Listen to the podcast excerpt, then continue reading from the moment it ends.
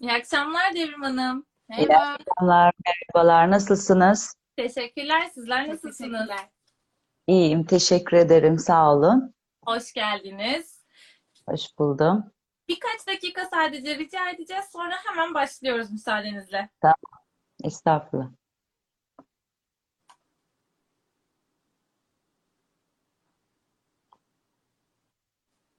Evet.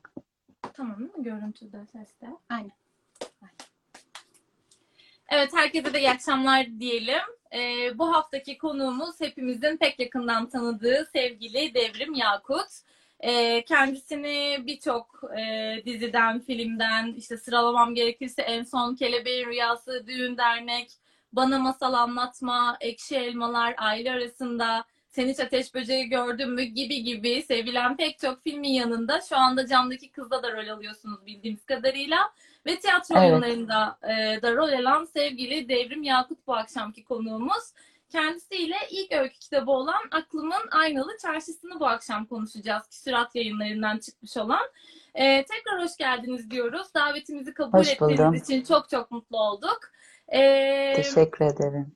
Eğer sizin için de e, uygunsa hemen sorularımızla söyleşimize başlayalım isteriz. Tabii ki.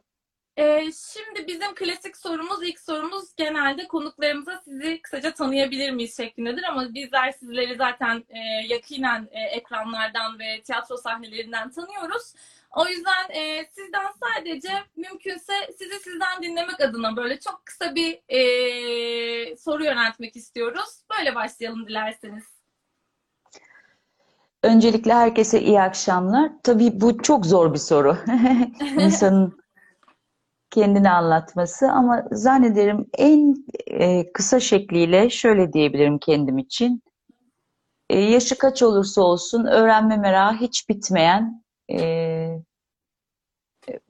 hayatını öğrenmeye, yeni şeyler keşfetmeye, e, kendi yeteneklerini keşfetmeye harcamış ya da harcamaya çalışan biriyim. Ee, hep öğrenme açlığı olan insanlarla bir arada olmayı da çok seviyorum. İyi bir insan olmaya çalışıyorum. Kendimi hani öyle tarif edebilirim. Çok zor biliyorsunuz ama buna çalışmak gerekiyor. Evet. İyi, duyarlı, hassas, yaşadığı toprakları seven, e, her ne olursa olsun e, orada üretmeye niyet etmiş biriyim. E, bir de yaptığı işi çok seven biriyim. Öyle tarif edebilirim ancak kendimi. Çok teşekkür ederiz. Ee, Sağ olun. senle devam edelim Tabii istersen. ki. E, Devrim Hanım, e, kitabınızı pandemi günlerinde yazdığınızı biliyoruz. E, ve bu sizin ilk öykü kitabınız. E, Evet. Öncelikle bu fikir nasıl ortaya çıktı? E, nasıl karar verdiniz yazmak istediğinizi ve yazmaya? E, bir de aslında şöyle sormak istiyorum. Yazma fikri olan ve bu anlamda ilham ve motivasyon arayan kişilere tavsiyeniz ne olur? E, valla bu aslında bir istek midir, bir dürtü müdür? Bunu henüz e, keşfedebilmiş biri değilim ben. Yani bunu keşfedebilen birileri varsa onlardan e, yardım ve destek de isterim açıkçası. Kendimi bildiğim bileli yazmakla ilişkisi olan biriydim ben. Yani ortaya bir ürün çıkarmak şeklinde değil ama Hı hı. Yani bütün orta öğretim hayatım boyunca e, katıldığım bütün kompozisyon yarışmalarında hep derece almış. İşte bölge birincilikleri, ülke e, dereceleri olan biriydim. Yazarak kendimi ifade, iyi ifade ettiğimi biliyordum. Belki biraz içe dönük bir çocuk olmamdan da kaynaklı. E, Öyledir ya e, hassas ve içe dönük çocuklar konuşarak değil de daha çok yazarak kendilerini iyi ifade ederler ya da çizerek. Fakat bunun bir şeye dönüşme ihtimalini hakçası hiç düşünmüyordum. Sadece birkaç arkadaşım yani benim etrafımdaki insanlar benim iyi bir hikaye anlatıcısı olduğumu hep e, kulağıma üflüyorlardı. Sonra bir gün e, Yılmaz Erdoğan bana dedi ki bundan herhalde 5 yıl önce kadar "E, senin tatlı bir kalemin var niye sen yazmıyorsun dedi. Ben de nasıl yazacağımı bilmiyorum. Yazmayı çok istiyorum ama o bir derya hani nereden başlayacağınızı bilmiyorsunuz. İşte pandemi başlayınca da dedim ki ben en çok neyi yapmak istiyordum. İlk defa bu kadar boşum. Ya oturacağım depresyona gireceğim ya da bir şey yapacağım. O zaman ilk defa oturdum. Yılmaz bana demişti ki bu bir mesaidir. Bunun başına her gün oturacaksın. Hakikaten ilk öykü çıkana kadar her gün oturdum sonra bir daha kalkamadım zaten. Dolayısıyla bu böyle karar vererek ve başına oturarak başladı. Muhakkak altta bir birikim vardı ki e, oldu. Ya ben de anlamadım. İnanın bilmiyorum nasıl oldu. Peki şunu soralım o zaman. Ee, kararınızı uygulamaya geçirdiniz ve neticede bu öykü kitabı çıktı. Ee, yazdıktan sonra bu size nasıl hissettirdi? Yani bu yazma duygusu size nasıl hissettirdi? Mesela bir röportajınızda okuduk. Orada demişsiniz ki kitap yazmak bana şifa oldu. O yüzden bu duyguyu biraz Evet. merak ediyoruz açıkçası. Ne hissettiniz? Valla o kadar enteresan bir süreçmiş ki bu yazma sürecini e, belki de ilk kitap olduğu için bu kadar yoğun böyle hissediyorum. Ama bu hissede kalmak istiyorum. Yani çok büyülü bir serüvenmiş bu. Hı hı. Ya, Ancak öyle anlatabilirim. Sanki şuradan bir kapak açıldı ve e, hem benden or- dışarı bir şey çıktı hem bilmediğim bir yerlerden bana doğru bir akış oldu sanki. Yani zamanı, mekanı, dışarıda yaşanan her şeyi unutturan bir şey oldu bana. O yüzden şifa diye tabir ediyorum. Yani bütün dünyanın kapanmak zorunda olduğu, ya bütün dünya olarak ortak bir kaderi paylaştığımız bir dönemde ben o kadar mutluydum ki evde. Yani hiç dışarı çıkmak ya da işte kapanmışlık hissi, hiç öyle bir şey hissetmediğim için bunun altını çok çiziyorum. Yani bana şifa oldu. Tabii ki o süreçte kendi hayatınızla ilgili de bir sürü kapılar açılıyor. Oralara o saate kadar bakmadığınız ya da bakmayı akıl etmediğiniz bir yerden bakarken buluyorsunuz kendinizi. Yani herkes de öyle oluyor mu bilmiyorum ama ben de öyle oldu. Dolayısıyla kitap bittiğinde süreçte çok sancılı anlarım da oldu. Bayağı fiziksel ağrılarım, böyle nefes alamadığım anlar, çok duygusallaştığım anlar da oldu ama e, dosya bittiğinde gerçekten kuş kadar hafiftim. Yani hayatta kendime yaptığım en iyi şey diyebilirim. O yüzden sorunuza yanıt olarak böyle yolculuğa çıkmak isteyen arkadaşlarımın da başına oturulması gerekiyor. Bu bir mesai işiymiş, disiplin. Buna zaman ayırmanız gerekiyor. Yani e, bayağı e, sabah artık mesela benim için hep sabah erken uyanırdım. Uyandığım zaman gazeteler, e, haberler vesaire okunduktan sonra ne kadarsa zamanım o kadar süre artık yazmak bir tür şey benim için. E, Evet. ne der? Sabah Daha önceki egzersizi. söyleşilerden de hatırlıyorum. Evet. Daha önceki söyleşilerden de hatırlıyoruz. Bu disiplin işi gerçekten yazmada galiba en kilit noktalardan biri. Hatta hiç Doğru. yazamadan o masadan kalksanız dahi ertesi gün tekrar o mesai harcamak için o masaya oturmak gerekiyor. Ee, Kesinlikle. ortak Bazen sanki bazen bir sözcük, bazen bir gece önce ya da bir gün önce yazdığınız şeyi gözden geçirmek ama onun başına muhakkak oturmak gerekiyormuş. Ben de bunu ustalardan öğrendim. Bu benim bulduğum şey. Evet. Estağfurullah. İstikrar önemli demek o zaman. Bizim de aklımızda bulunsun.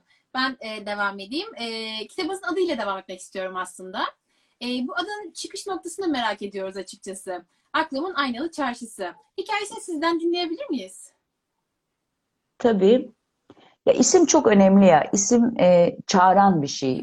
Yani ben hep ismi olan işlerde e, o, e, çalışan biri olduğum için dizilerin de ismi önemlidir, filmlerin, oyunların ismi önemlidir. Oyun olağanüstü bir oyundur ama ismi itici bir isimse seyirci onun kapısını çalmak istemez. O yüzden bunu bilen biri olduğum için e, en büyük problemlerden biriydi. Ne olacak bunun ismi? Bir tane şey biliyordum. İçinde bir ayna olmalıydı. Çünkü ayna çok güçlü bir metafor. Benim hayatımda da çok önem verdiğim, e, öykülerin pek çoğunda da e, direkt ya da dolaylı çok kullandığım bir şey oldu. Sadece ayna e, doyurucu gelmedi bana. Fakat böyle bu tür konularda aceleci biri değilimdir ben. Oldukça sabırlı biriyimdir. Belki 60-70 tane listem vardı. Her gün aklıma bir şey geliyordu. Birini siliyordum, birini yazıyordum falan. Bir yemek yaparken, hatta bunu bir yerlerde de anlattım. Biber dolması yapıyorum işte kapanmışız ya. Hı hı. Ellerim bayağı ellerimle dolduruyorum e, biberleri. Eşime dedim ki koş ellerim şu anda da şey değil temiz değil. Şu kağıdın üzerine yaz aklımın aynalı çarşısı. O anda geldi. Yani çarşı diye bir şey yoktu, akıl yoktu ama ayna vardı. Bana çok e, e, güçlü bir titreşimi e, var gibi geldi. Fakat buna tek başıma karar veremem elbette.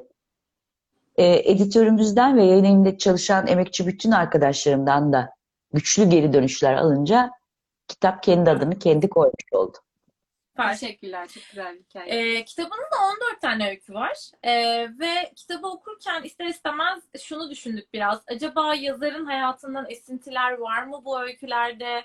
Ee, yani buradan hareketle şunu sormak istiyoruz. Öykülerinizin tamamı kurgu mu yoksa e, sizden kendinizden esintiler var mı öykülerin içerisinde? Ya olmama ihtimali yok elbette. Yani e, belki bundan sonrasında hiç olmayacak. Hı hı. E, ama zannediyorum ilk öykülerde ya kendinizden yola çıkarak yapıyorsunuz ya da e, çok iyi bildiğiniz yerden yazmanız gerekiyor. Hı hı. Ya daha doğrusu burası daha güvenli bir alan. Ya ben böyle bir karar vererek yazmaya başlamadım ama e, tabii ki benim hiçbiri birebir değil. Bir kere onu söylemeliyim. E, ben iyi bir hikaye anlatıcısı olmamı iyi bir dinleyici olmama bağlarım. E, şimdi ben bir asker kızıyım. Çok şehirde yaşama şansım oldu. Sonra 20 küsur yıl devlet tiyatrosunda çalıştım. 24 yıl. Çok turne yapan bir oyuncuydum. Dolayısıyla galiba Türkiye'de sahneye çıkmadığım galiba bir Kars ee, bir de bir şehir daha var şu anda adını unuttum. Bu şu demek, çok fazla insanla karşılaşmak, beraberinde çok fazla hikaye dinlemek demek. Doğru. Ee, hikayeleri herkes dinler belki de ben biraz o konuda şeyim. Unutmuyorum yani. Akşam ne yedin diye sorun onu unutabiliyorum. Ama dinlediğim böyle e, cıngıllı diyorum onlara. O cıngıllı hikayeleri unutmuyorum. Pek çoğu dinlediğim hikayeler, tanık olduklarım, yaşadıklarım, ama hiçbiri birebir değil. Çünkü o dinlediğim insanlara da haksızlık etmemek açısından e, gerçek hikayelerin içine de kurgu katarak yapmaya çalıştım. Bir tek son öykü e, çok birebire yakındır. Bir de teyel hikayesi Hı hı. e, çok birebire yakındır. E, onun dışında hepsi kurgu ve e, oralarda da var kurgu ama e, daha gerçeğine e, sadık kalarak yazmaya çalıştım. Siz anlatırken aklıma sorudan bağımsız e, senden önce şey geldi. E, başarılı oyunculuğun da zaten galiba sırrında biraz iyi dinlemek, Gözlemlemek. e, iyi gözlemlemek olmalı diye düşünüyorum. Yanılıyor muyum? Yanılmıyorsunuz. Sadece o araya bir parantez açmak isterim. Bizde e, hep e, e, salık verilen gözlem dediğimiz şey bizim mesleğimizde. E, aynı şey yazarlık için de e, geçerli. E, böyle kendinizi uzak bir mesafeye koyup e, gözleyeceğiniz kişiye de hayatta uzaktan bakmak değil. Yani ben öyle tarif etmiyorum. Baya böyle yanında laf tutmak. Yani içlerine karışmak. Hı hı. İşte onun için ahbap olmak, biraz sohbet etmek, biraz yanlarında olmak, işte e, o, e, şimdi artık böyle ayrıştı ya toplu taşıma binenler ve binmeyenler diye. O ayrımlardan mümkün mertebe kendinizi uzak tutmak. Başka beslenecek alanı yok sanatçının. İster resim yapsın, ister yazsın, ister oynasın. E, oralarda saf tutması gerekiyor. Yani o safların yan yana olması gerekiyor. Benim gözlemden anladığım bu. Evet. Teşekkür ediyorum. Süper. Ee, Devrim Hanım kitabınızda da dikkatimizi çeken bir e, özellik hemen hemen her öykünün başında bir ithaf var. Ee, çok böyle genel geçer rastladığımızda bir durum olmadığı için sormak istedik. Ee, bu her öykü birine ithafınızın sebebi nedir? E, ya benim şuradan anlatayım en önce. Bu kitap bana bir hediyeydi. Yani bittiği zaman kendime şöyle dedim. Bu ne büyük bir hediye. Yani kendi kendime yaptım ama e, yani kendinize sağlık anlamında da bir yatırım yapabilirsiniz. Orada da kendinizi alkışlamanız lazım. İşte bir çanak yaparsanız orada da siz yaptığınız için yani buradaki kendini onaylama halini e, ego ile karıştırmamasını e, bize izleyenlerin rica ederim. Sonra o hediyeye yoldaşlık eden bir sürü insan oluyor. Bir sürü bir sürü insandan bir sürü hikaye dinlemiştim ben. Ya da o hikayeleri hiç dinlemesem bile yazdığım öykü o kişiye çok e, yakındı. O kişinin yaşadığı bir şeye, duygusuna vesaire. Dolayısıyla bir iki tanesi çok spesifik dinlediğim öykülerde. Onlara e, ithaf edince öbürleri boş kal- kalınca canım sıkıldı. Dedim ki ben bunları da en uygun kişilere hediye edeyim. Bir de hak teslimi benim çok hassas olduğum bir alan.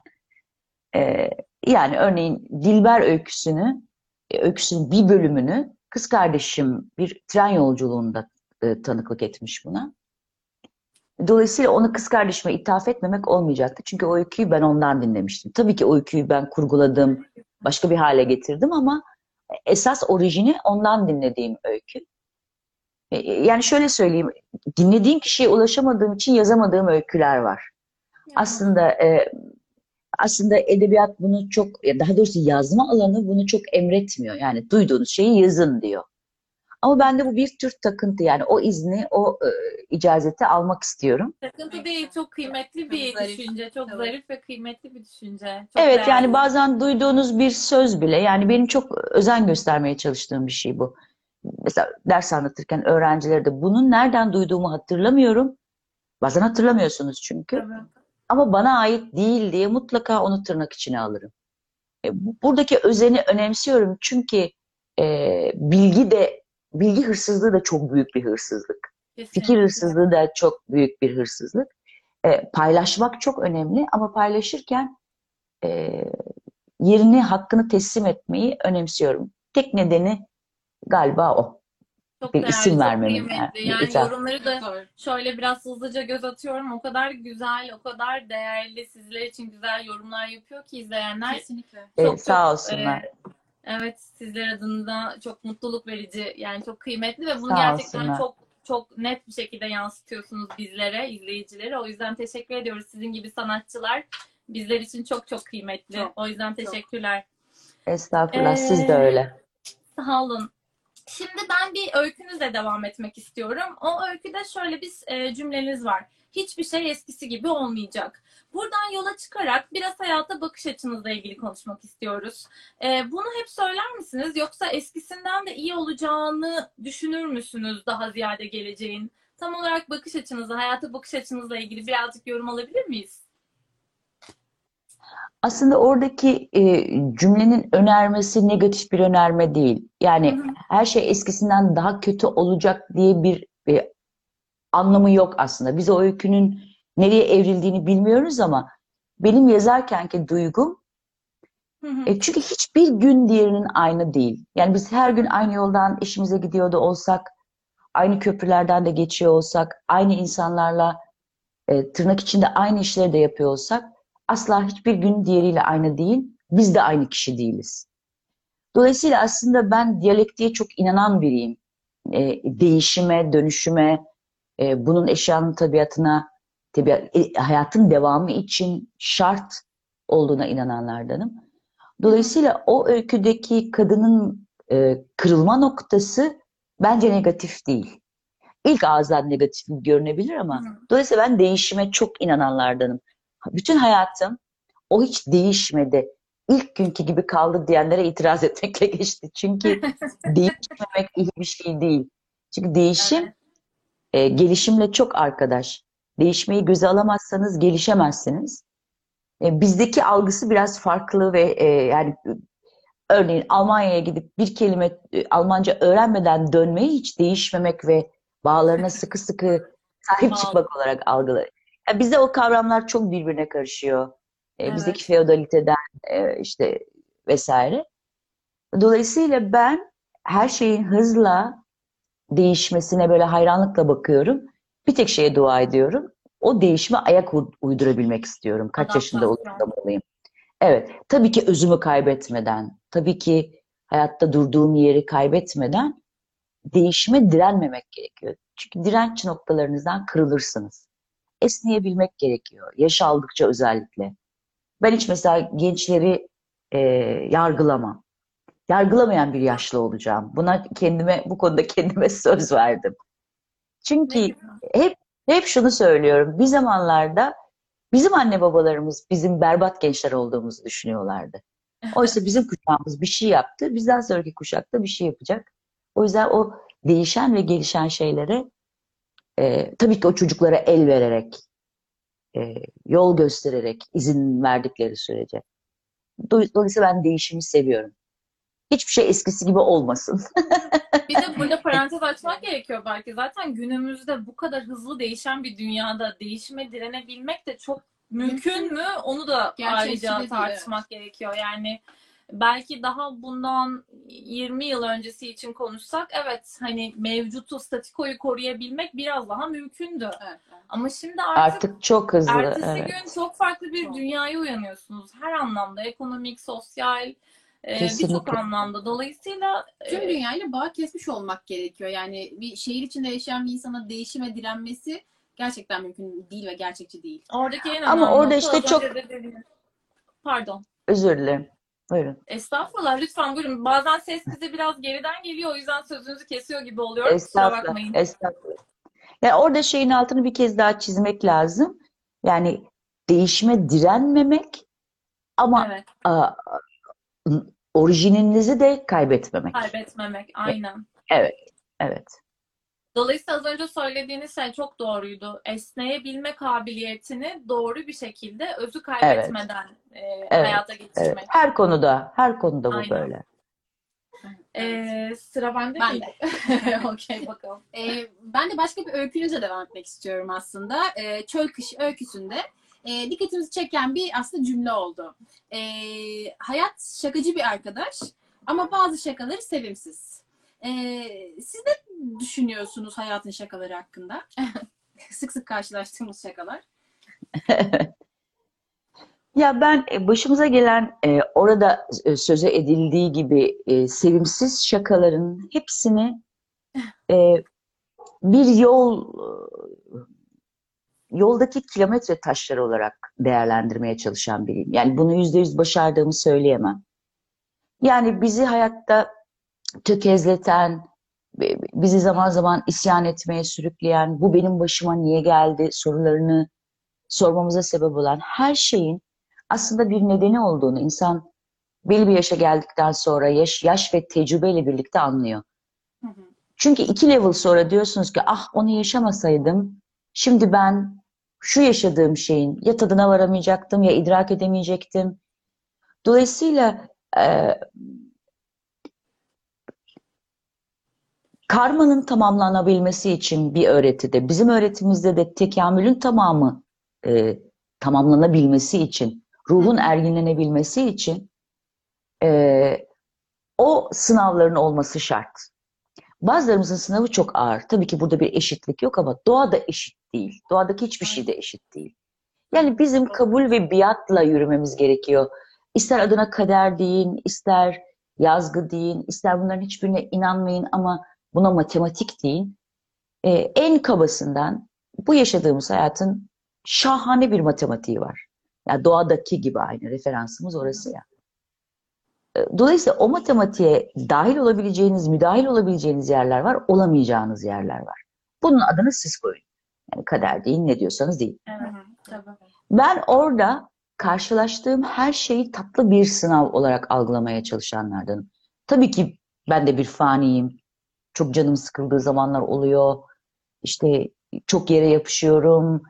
Çok üzüldüğüm haller oluyor. Ama eskisine oranla bu yolculuğa çıktığımdan beri eskisine oranla daha sık kendimi merkezime çekip diyorum ki bir dakika. Şimdi bunu yaşıyorsun. Bu yolculukta ne öğreneceksin? Öğreneceğin şeylerle yaşadığın şeyden daha fazla ilgilen. Çünkü yaşadı, oldu artık o. Olan şeyle mücadele etmek bir patinaja sebep oluyor ve boşuna zaman harcıyorsunuz. Oysa bu bana ha- hangi bilgiyi öğretmek üzere geldi? Mutlaka buradan öğreneceğim bir şey var. Buna hastalıklar da dahil. Bedenimiz ve ruhumuz bize bir şey söylüyor. Ben buna inananlardanım. Bir haber veriyor, bir sinyal veriyor sana bundan sonrası için. Hatta ben kanseri bile ikinci şans gibi düşünürüm. Yani sana dedi ki hayat e, bu saate kadar yanlış bir şeyler yaptın. Hı hı. Şimdi sana bir şans daha veriyorum bu sınavla beraber. Ya bunu değiştirirsin bu kafayı Hı hı. ya da değiştirmezsin. Buna sen karar vereceksin. Tabii ki bunu yüzde yüz genelleyemeyiz. E, bana katılmayan bir sürü insan olacaktır ama ben böyle ilerlemeye gayret ediyorum. Dolayısıyla oradaki şaka tabiri seçilmiş. Hepsi şaka. Bazıları sevimsiz. Onlar da galiba biraz tecrübeyle geliyor ama yani bu, Evet. bu bakış açısına sahip olmak bence kesinlikle biraz yaşanmışlık, biraz tecrübe, Elbette. biraz 20 düşünme yaşında ben de böyle hissetmiyordum elbette. Ayrıca hani 20 yaşında, 30 yaşında genç bir arkadaşımın e, böyle düşündüğünü düşünün. O çok sıkıcı biri olabilir. Bu bizim yaşlarımızın, benim yaşlarımın algısı.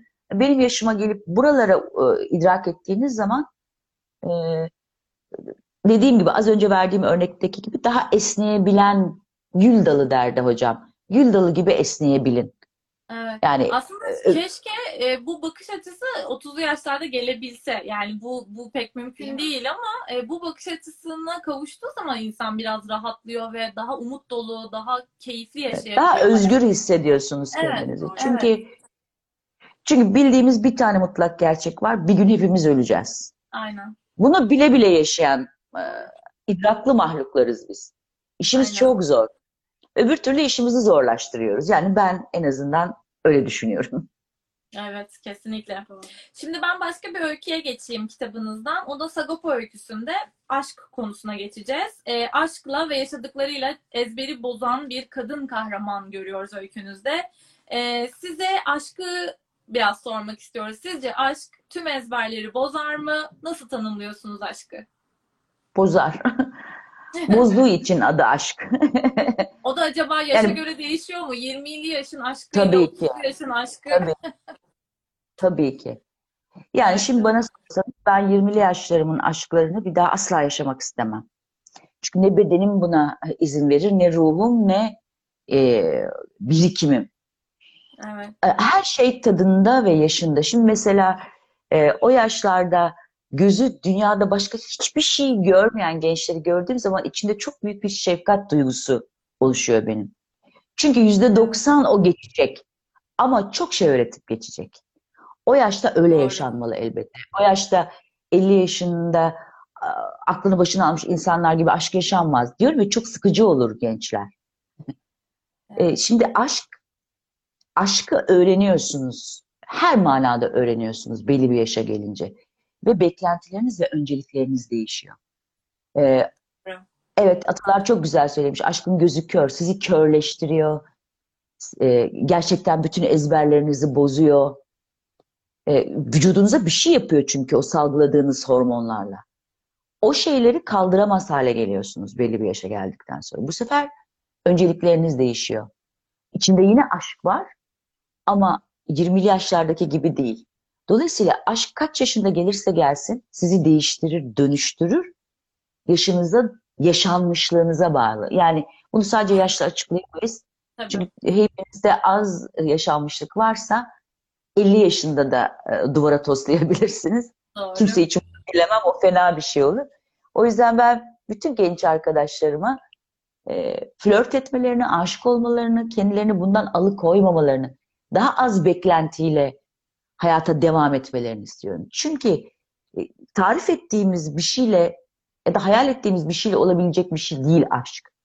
Aşk öyle bir şey ki işte yaşamayan bilmiyor. Geliyor size göktaşı gibi çarpıyor ve sizi bir sürü parçaya ayırıyor. Siz sonra uğraşıyorsunuz o parçaları birleştirmek için.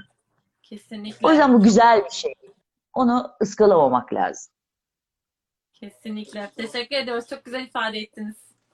Teşekkürler. Ee, az önce değişimden bahsettik ama ben onunla alakalı bir soru daha sormak istiyorum. Ee, içesin, ya şu an içinden geçtiğimiz zorlu bir süreç hepimizin malumu.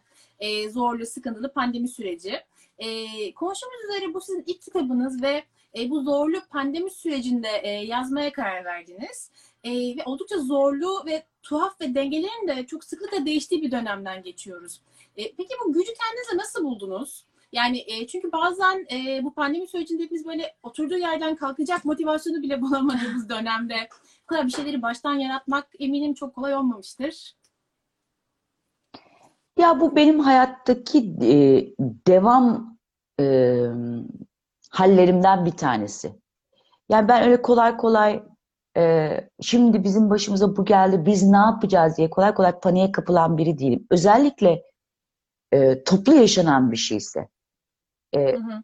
hep o örneği veririm. Örneğin siz bir mahallede oturuyorsunuz. Sizin eviniz yandığında, yanan sadece sizin evinizse işiniz daha kolay.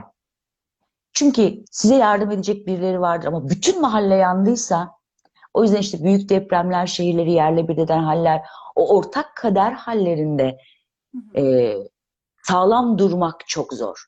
Bu da öyle bir şeydi. Aslında bir de, bir tür depremde. Yani ne olduğunu bilmediğimiz, ne olacağını.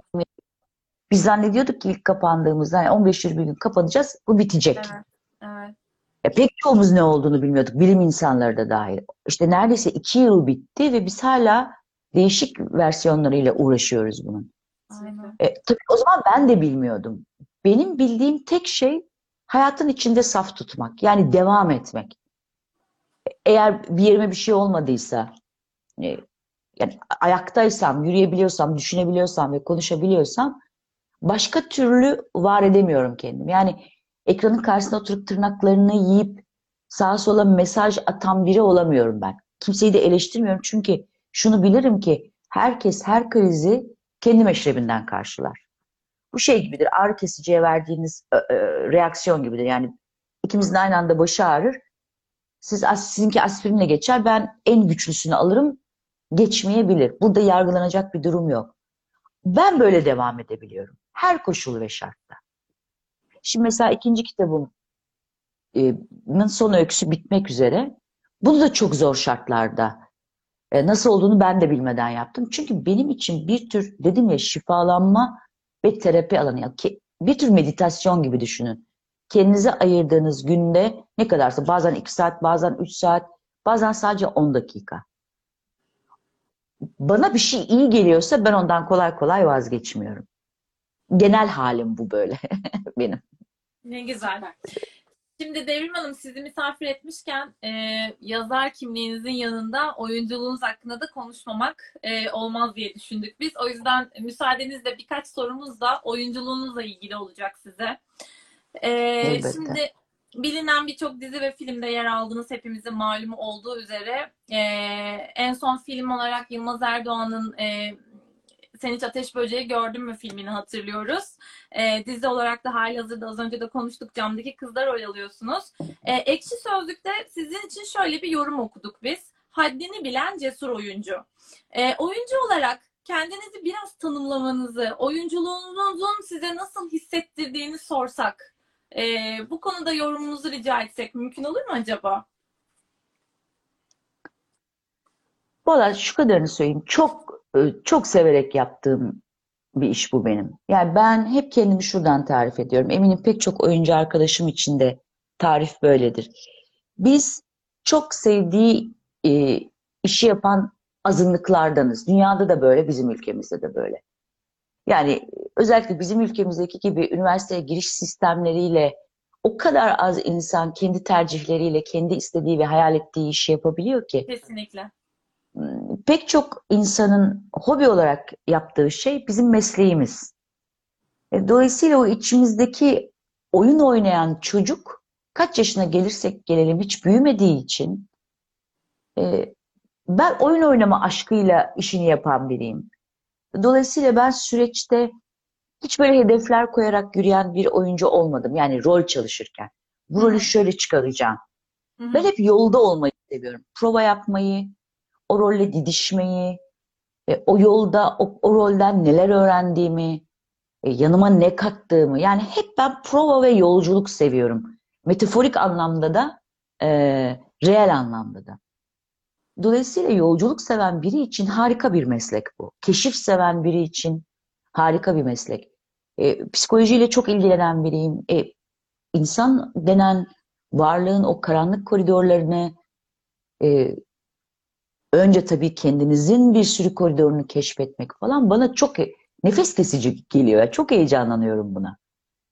Dolayısıyla her seferinde kendimle ilgili yeni bir keşif yapma olanağı verdiği için bu meslek e, yani güle oynaya yaptığım bir iş. ki Çok zor tarafları olan bir meslek bir tarafıyla her manada. Duyuyorum. Yani sağlıklı kalmanız zor, e, yani ruh sağlığınızı korumanız çok zor falan. İşte oraları da biraz fazlaca kafa patlatan biriyim. Dolayısıyla benim içimdeki küçük kız hala evcilik oynuyor. Güzel. Meseleyi buradan Bir izleyici olarak çok samimi söylüyorum. İnanılmaz bunu yansıtıyorsunuz ekrana. Yani Çok tüm teşekkür ederim. karakterlerinizde bunu çok net görmek gerçekten çok mümkün diye düşünüyorum. Zannediyorum ki Kesinlikle. katılacaksın bana. Kesinlikle. Gerçekten o yani nasıl bir enerji tabii bunu bilmek anlamak çok e, mümkün değil bizler için. Sadece belki bir miktar empati yapabiliyorumdur.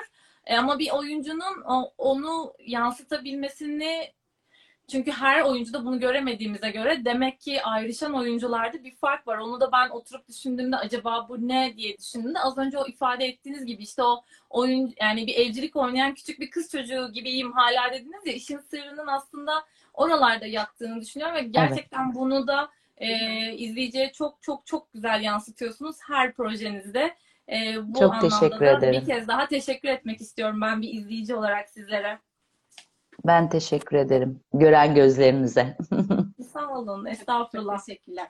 Ee, Devrim Hanım ben de müsaadenizle oyunculukla alakalı bir soruyla devam etmek istiyorum. Ee, Buyurun. hem komediye hem de drama e, yakışan nadir isimlerdensiniz bizce. Ve e, size aslında şunu sormak istiyorum. Siz kendinizi acaba hangisini oynarken daha mutlu hissediyorsunuz? E, Hangisinden oynamaktan daha çok keyif alıyorsunuz?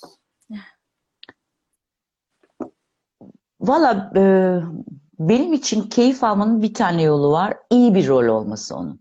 Dişi, e, beni böyle benim içimdeki o oyunbaz kızı harekete geçirecek, beni heyecanlandıracak. Orada bir ayrım yapmıyorum komik ya da değil diye.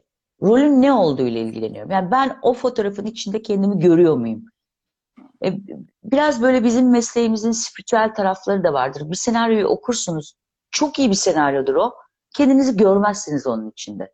Yani ben onu ayağa kalkmak olarak gözüm e, okurken e, karakter ya da hikaye ya ayağa kalkıyor ya da kalkmıyor. E, pek çok işi aynen bu cü- cümleyi böyle söyleyerek e, reddediyorum ben. Görmüyorum kendimi. E, dolayısıyla kendimi görmem ve o rolün beni heyecanlandırması gerekiyor. E, aslına bakarsanız oyunculuk total bir şey. Yani burada bu tür ayrımları yapanlar aslında yapımcılar. E, yapımcılar büyük bir fotoğraf panoları vardır onların bir iş yapacakları zaman. Hı hı. Orada hiçbir riske girmeden o boşluğu dolduracak oyuncuyu isterler. Örneğin Devrim e, işte şive konusunda başarılı bir oyuncuysa, öyle birkaç tane film yaptıysa, Hı hı. öyle bir rol varsa Devrim'den belki çok daha başarılı biri vardır. Oradaki kas direktörü der ki ya bir de şu var şuna, hayır ona bakmak istemez. Onu Hı. onun adı Devrim olur, Ayşe olur. İsimlerin bir önemi yok burada Hı hı.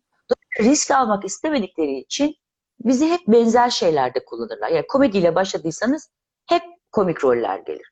İşte orada oyuncu biraz direnmeyi, e, kendi yelpazesini göstermenin yollarını bulmayı e, şiar edinmek zorunda. Yani ben öyle düşünüyorum daha doğrusu. Hı hı. Yok, İkisinin de ayrı ayrı güzellikleri var. ya. komedi oynamanın iyi yazılmışsa hepsi tabii ki çok özgür, çok tatlı, çok eğlenerek, eğlenmekten yorularak eve gidersiniz. Hele ekipte öyleyse. E, öbür türlüsü çok duygularınızla yaptığınız için bazen de çok ağlamaktan ve duygusal olarak 6 saat aynı duygu durumunu tutmak e, e, aslına bakarsanız insanlık dışı bir şey. Evet. Doğru. Bunların hepsi dinlenince geçen yorgunluklar. Yani e, ve bir tür aslında detoks gibi düşünün hepsini. Yani ben oradan bakmayı tercih ediyorum. Ne güzel. Oh, içimde hiç zehir kalmadı. Ağladım, ağladım, rahatladım. ya da işte o çok trajik sahnelerden bir tanesi. Ben bir de öyle e, takviye gözyaşı falan kullanabilen bir oyuncu da değilim. Her şey gerçek olmak zorunda. Hı hı. Şey yapıyorum artık. O sahne oynandı. E, yönetmen kestik dedi. Acımadı ki, acımadı ki diyorum. Gene içimdeki o küçük kız hani dayak yiyip dayak arsız olmuş çocuklar var ya onlar gibi yaparak. Çünkü söz ağzınızdan çıkan sözü burası duyuyor ve duyduğu şeyi yapıyor beyin. Dolayısıyla ah ne kadar çok acı çektim dersem o duygu durumundan kurtulamadığımı fark ettim. Psikoloji de biraz bunu söylüyor aslında. Evet. Doğru. Dolayısıyla Ama- böyle öğrene öğrene gidilen bir yolculuk bizimki. Yine tamamen bir izleyici olarak siz anlatınca aklıma şey geldi. Hmm, Ya mesela ben bazen bazı dizilerde bazı oyuncuları yine çok seviyorum ama nedense mesela o oyuncuya hep işte ağlaması gerekiyor. Hep stresli şeyler yapması gerekiyor. Her bölümde ağlıyor. işte kendinden geçmesi gerekiyor. Ve şey diye çok üzülüyorum bir izleyici olarak. Ya diyorum ne kadar zor. Yani Çok dizi zor. süresi kadar neyse o süre ve bildiğimiz kadarıyla dizi süreleri yani bizim tabii görmediğimiz o arka planda olan şeyler çok çok daha uzun. Bir haftada saatler, çekiyoruz süreler. işte biz. Öyle Yani mi? Bir günde- bir hafta mı? E tabii 6 gün, 5-6 günde çekiyoruz. Bu şu demek yani 5 gün sabahtan akşama kadar bu duygu durumunda geziyor o oyuncu demek. Onu düşününce Soğukta- mesela o insanın sürekli ağlaması nasıl olabiliyor ve o kadar da güzel oynuyorlar ki hani birçoğu sizler de öyle yani ve o ağlama duygusu, o öfke hali düşünsenize 6 gün boyunca o ruh halinde olman gerekiyor. O yüzden sanki böyle komedi biraz daha kolaymış gibi geliyor. İnsan daha kolay mı gülebilir gibi geliyor. Bilmiyorum yani tamamen izleyici olarak bir İnanın- fikir. Zor. Gülmek değil de güldürmek çok zor. Güldürmek Yani- evet. Evet. Aa, aa, yani siz ağlarken de karşı tarafın sizin gerçekten o şeyi hissettiğinize ikna olması da çok zor. Burada bir Kesinlikle. tane ölçü var. Siz nasılsanız, ne kadarsanız işiniz o kadar. Dolayısıyla seyirci, e, yani her seyirci yüksek bir bilince sahip değil. Şöyle yapıverir pat ya da şöyle der. E, yani bir şey var ama ne olduğunu bilemiyorum der. Doğru, doğru. Yani o samimiyetsizliği de samimiyeti de çünkü seyirci de izlerken aslında çocuk gibidir. Eğer siz bir çocuğun saflığı ve pure'luğundaki oyun oynama haline inebildiyseniz seyirciniz de öyledir. Sizinle birlikte ağlar, sizinle birlikte güler. Aynı çocuğun ritmiyle de sizden vazgeçer. Bütün derdimiz bizim bizden vazgeçmemesi için e, mesleğimizin ölçüleri içinde yapmamız gerekenleri yapmak. Burada duygularımız devreye girdiği için çok yorucu ve çok zor oluyor doğal olarak. Ama Her her bölüm mesleğin bittikten sonra, çekildikten sonra bir tamam okey deniliyor ondan sonra mı diğer bölüme devam ediyorsunuz? Yani bütün işte ne bileyim bütün bölümü izliyor yönetmen ya Hayır, hayır. karar vericiler. İzliyor tabii ki. Yönetmen, montaj ekibi ve işte yapım ekibi birlikte montaj yaparken izliyorlar. Ve tamam Yani aslında biz- Hı. Bir yarış atı gibi koşuyoruz yani aslında birimize bir şey olsa geri dönüşümüz yok. Yani dizide bu böyle, filmde öyle değil de. Tabii tabii. E, Çok Özellikle güzel. şu an duyuyoruz birçok dizi pardon birçok dizinin bölümlerinde aksaklıklar oluyor Covid'den dolayı. Herhangi bir oyuncuya bile işte Covid sebebiyle karantina süreci başlasa zannediyorum iki Tabii. hafta falan en az etkileniyor süreç. Tabii, tabii, Çok tabii. zor gerçekten. Evet. Burcu'cum senle devam edelim. Tabii ki. Ee, ben kitaba geri dönmek istiyorum şimdi biraz. Ee, Aklımın Aynalı Çarşısı'nda yer alan öyküleri e, sahnede acaba görecek miyiz? Öyle bir Aa, aklınızda evet. öyle bir fikir var mıdır? Valla benim öyle bir fikrim yok. Ama bunu birileri bir şey yapmak isterse e, şimdi yeni çıkacak e, zamanını bilmiyorum ama bitmek üzere ikinci kitabım. Orada sadece bir öykü var. Onun film olmasını çok istiyorum. E, artık senaryosunu ben mi yazarım, yazabilir miyim? Biri yazar mı, çekilebilir mi bilmiyorum. Öyle bir hayalim var ama diğerlerinde biraz sinematografik yazdığımı biliyorum. Yani çünkü Hı hı, ben de anlatırken e, o ayağa kalkma bahsi yazarken de oluyor. Yani onu görmem gerekiyor yazabilmek için. Dolayısıyla hep geri dönüşlerde bunu duydum. Çok sinematografik, düşünür müsün vesaire. Bunu yapabilecek kişi ben değilim çünkü ben yapımcı değilim. Bunlar tiyatro oyunu olabilecek metinler değil. Hani biri çok dert edip e, buradan bir tiyatro oyunu çıkaracağım demezse, derse sevinebilirim ancak buna. Burası başka bir alan. Yani bu bu öykünün özgür alanını çok sevdiğim için ben ben o kafayla şimdilik yazmıyorum. Sonra ne olur bilemem. Çok Çünkü senaryonun sınırları var. Öykü çok özgür geliyor bana. Aslında benim sor- e, sıradaki sorum biraz siz ona cevap verdiniz. Şunu merak etmiştim. Film ve dizi geçmişinize baktığımızda neredeyse hiç boşluğunuz yok gibi. E, dolayısıyla kitap yazma konusunda da aynı tempoyu sizlerden görecek miyiz diye bir sorum vardı. E, zannediyorum ki sırada yeni bir öykü kitabınız yakın bir gelecekte biz okuyucular Evet. için e, İnşallah. var. Evet inşallah. Bunu o İnşallah. yüzden evet duymak güzeldi. Çünkü E, açıkçası bir okuyucu olarak şunu çok net söyleyebiliriz. Heybenizde topladığınız ve e, daha yazmayı düşündüğünüz hani daha çok hikayeleriniz varmış hissi veriyorsunuz okuyucuya. O yüzden açıkçası hani Ne bu soruyu sorarken evet bunu düşünerek sormak istemiştik size. E, yavaş yavaş e, Devrim Hanım toparlayalım isteriz biz. O yüzden son Tabii olarak ki. size sorumuz e, okurlarınıza e, söylemek istedikleriniz varsa herhangi bir e, mesajınız varsa bu şekilde yavaş yavaş toparlayalım istiyoruz söyleşimizi. Tabii ki. Valla öncelikle e, yılın bu yorgun ilk hafta sonunda e, bize vakit ayırdıkları için teşekkür ederim. E, ülke ve dünya zor bir süreçten geçiyor. E, Evet. Geçenlerde e, yine Instagram'dan paylaştım. Enseyi karartmayacağız. Üretmeye devam edeceğiz. Okumaya, kendimize yatırım yapmaya. Çünkü tarih okuduğumuz zaman, yani tarihe baktığımız zaman hiçbir şeyin kalıcı olmadığını göreceğiz. Bunlar böyle döngüler. Dünyanın başına neler gelmiş. Evet, çok isyan e, etmekte haklı gençler. İşte bizi mi buldu bu? Aslında Evet. bizi mi buldu derken bu, bu, bu başımıza gelen meselenin içindeki rolümüzün ne olduğunu, o rolü en verimli nasıl e, nasıl en verimli hale getiririz düşünmeye çalışmak gerekiyor belki de. E, böyle şeyler söylediğimiz zaman ne yazık ki çok acımasızca eleştiriler geliyor. Tuzu kurular böyle söylesin. Bunu şuradan haykırarak söylemek istiyorum. Hiçbirimizin tuzu kuru değil. Hiçbirimizin.